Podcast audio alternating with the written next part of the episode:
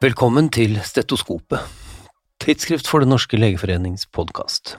Hver annen uke med Caroline Ulvin Johansson og helseaktuelle gjester i studio, og hver annen uke Redaktørens hjørne der jeg, Are Brean, sjefredaktør i tidsskriftet, gir deg en høyst subjektiv, ofte litt uhøytidelig gjennomgang av de nyeste forskningsartiklene, sakene og debattene i de største internasjonale generellmedisinske tidsskriftene.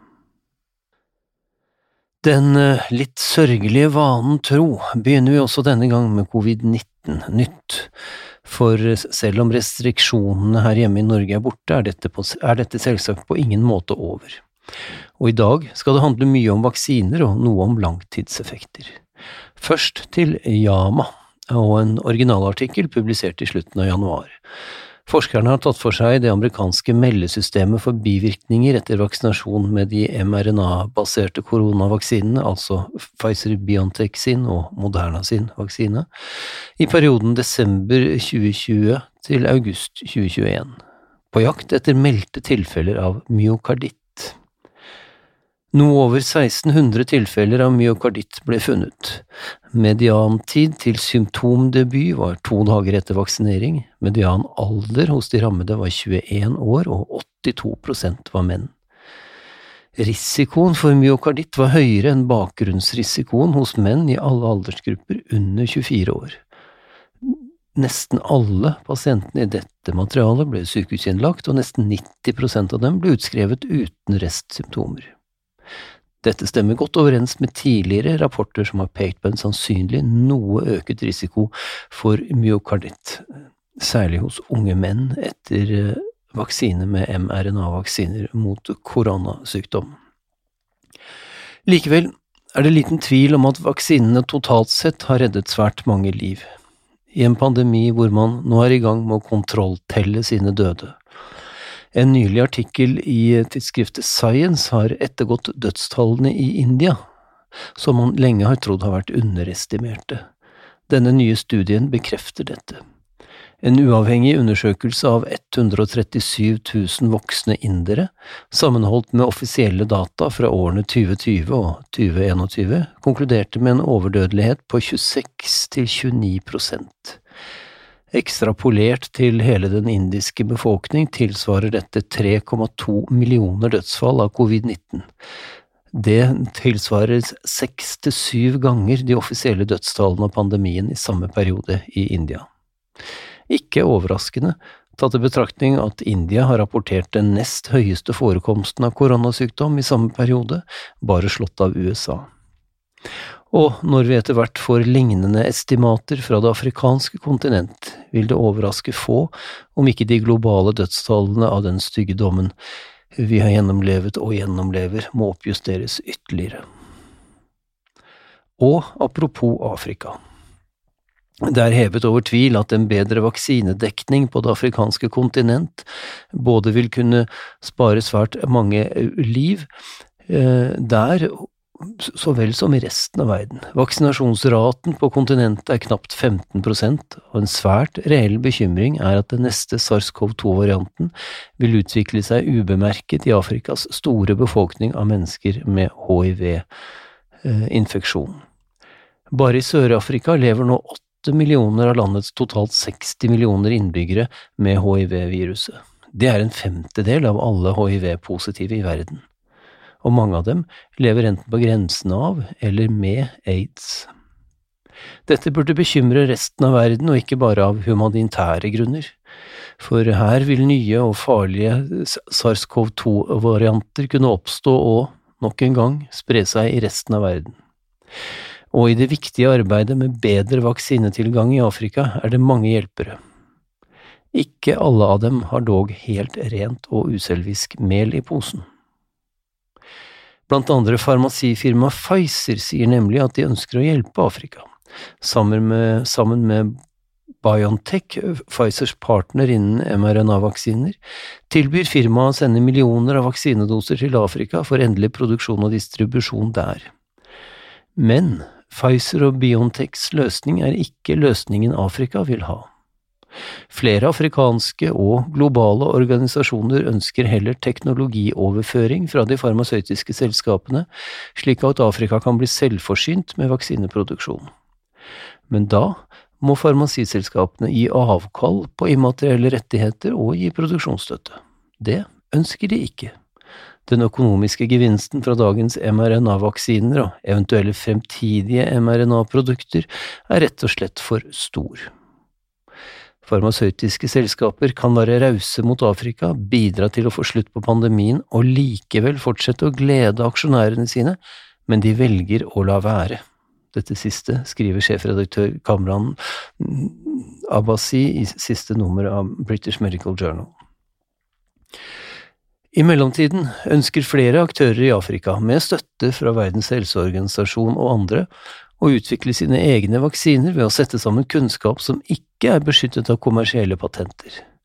Denne panafrikanske satsingen eh, forsøker å skalere opp afrikansk produksjon av vaksiner fra dagens 1% til 60% innen år 2040 men Pfizer og Biontech ser på denne potensielle selvforsyningen som en trussel mot deres forretningsmodell. Afrikas teknologiske uavhengighet passer ikke deres forretningsplaner, for fortsatt å sitere Kamran Abbasi. I en nylig feature-artikkel i British Medical Journal avsløres det nemlig at konsulentselskapet Keenup Foundation, som er innleid av nettopp Biontech, undergraver systematisk Afrikas innsats for å produsere egne covid-vaksiner.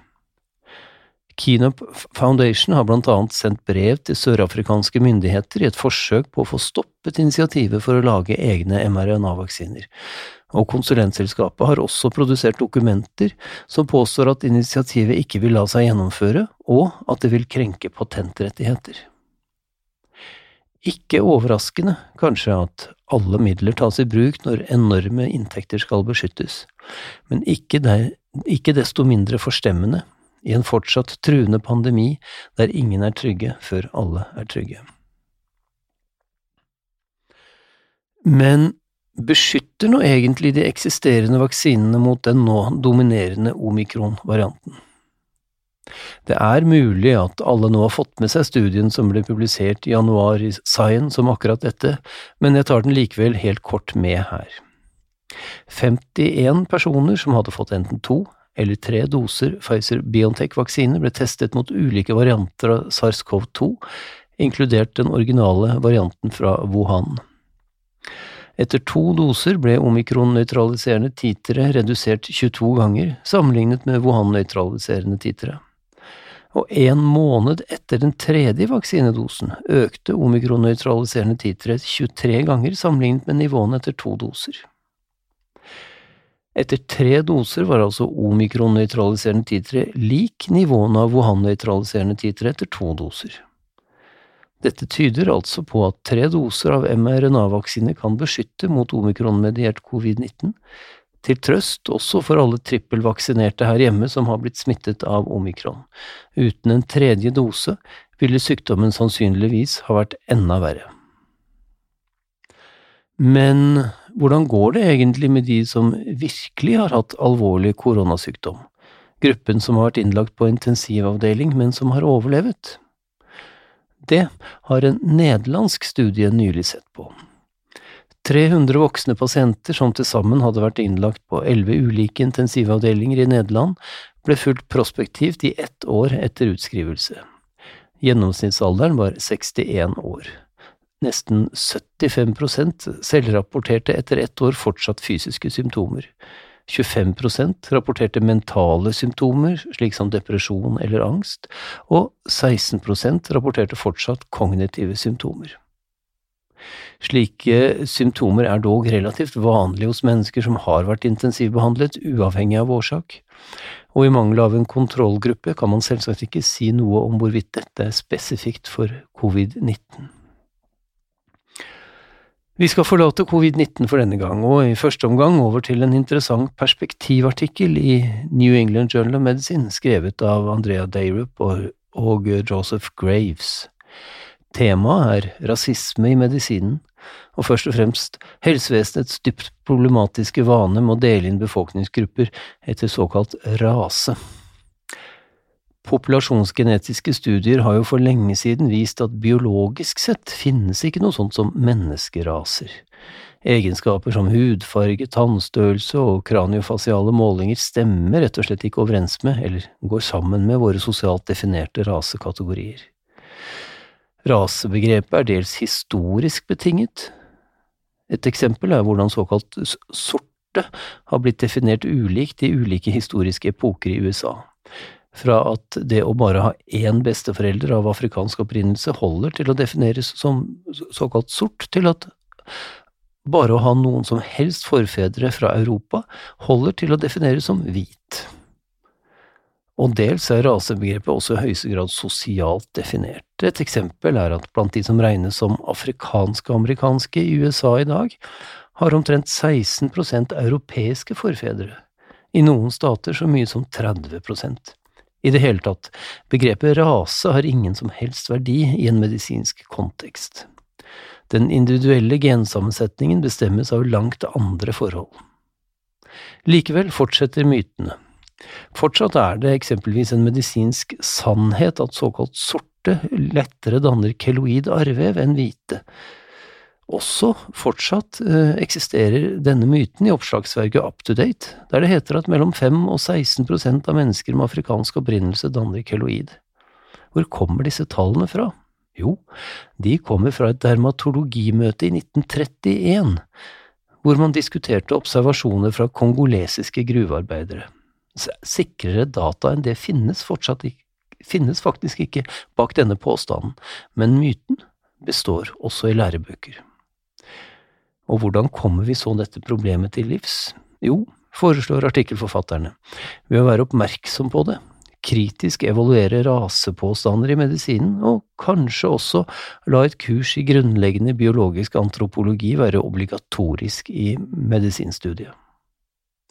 Og kanskje også vil jeg legge til for egen del, slutte med den merkelige amerikanske praksisen med å la rase være et klassifikasjonskriterium på linje med kjønn og alder i helsevesenet. Og kanskje er det et symptom på hvor dypt dette stikker i amerikansk kultur at artikkelforfatterne selv ikke foreslår dette siste. Til slutt i dag over til The Lancet, der nordmenn Signe Flåttorp, Kjetil Brurberg og Vegard Wyller, sammen med en dansk og en nederlandsk forfatter, nettopp har publisert en kommentarartikkel med skarp kritikk av de nye NICE-retningslinjene for diagnose og behandling av kronisk fatigue-syndrom, eller ME. De nye retningslinjene avviker fra de forrige, særlig i det at det ikke lenger anbefales kognitiv atferdsterapi og gradert treningsterapi for tilstanden. Dette er merkelig, påpeker forfatterne, all den tid flere randomiserte studier og systematiske oversikter i mellomtiden har gitt styrket evidensgrunnlag for slik behandling, og, ikke minst, siden det ikke har tilkommet noen andre effektive behandlingsformer siden forrige revisjon. Dertil protesterer også forfatterne på de nye diagnostiske retningslinjene, der symptomet anstrengelsesutløst symptomforverring nå har blitt nødvendig for diagnosen. Endringene har kommet, antyder forfatterne, etter utilbørlig press fra én gruppe. Flere av fagfolkene i eh, komiteen trakk seg under arbeidet, og det er reist bekymring fra, fra flere medisinske hold. Endringene har blitt drevet frem av ideologi, ikke av vitenskap, fremholder artikkelforfatterne, som mener at grunnleggende vitenskapelige prinsipper her har blitt satt til side. Noen områder av medisinen er altså fortsatt usvikelig betent og politisert, og uansett side i denne konflikten tror jeg alle kan være enige i at taperne, det er pasientene. Vi høres neste gang.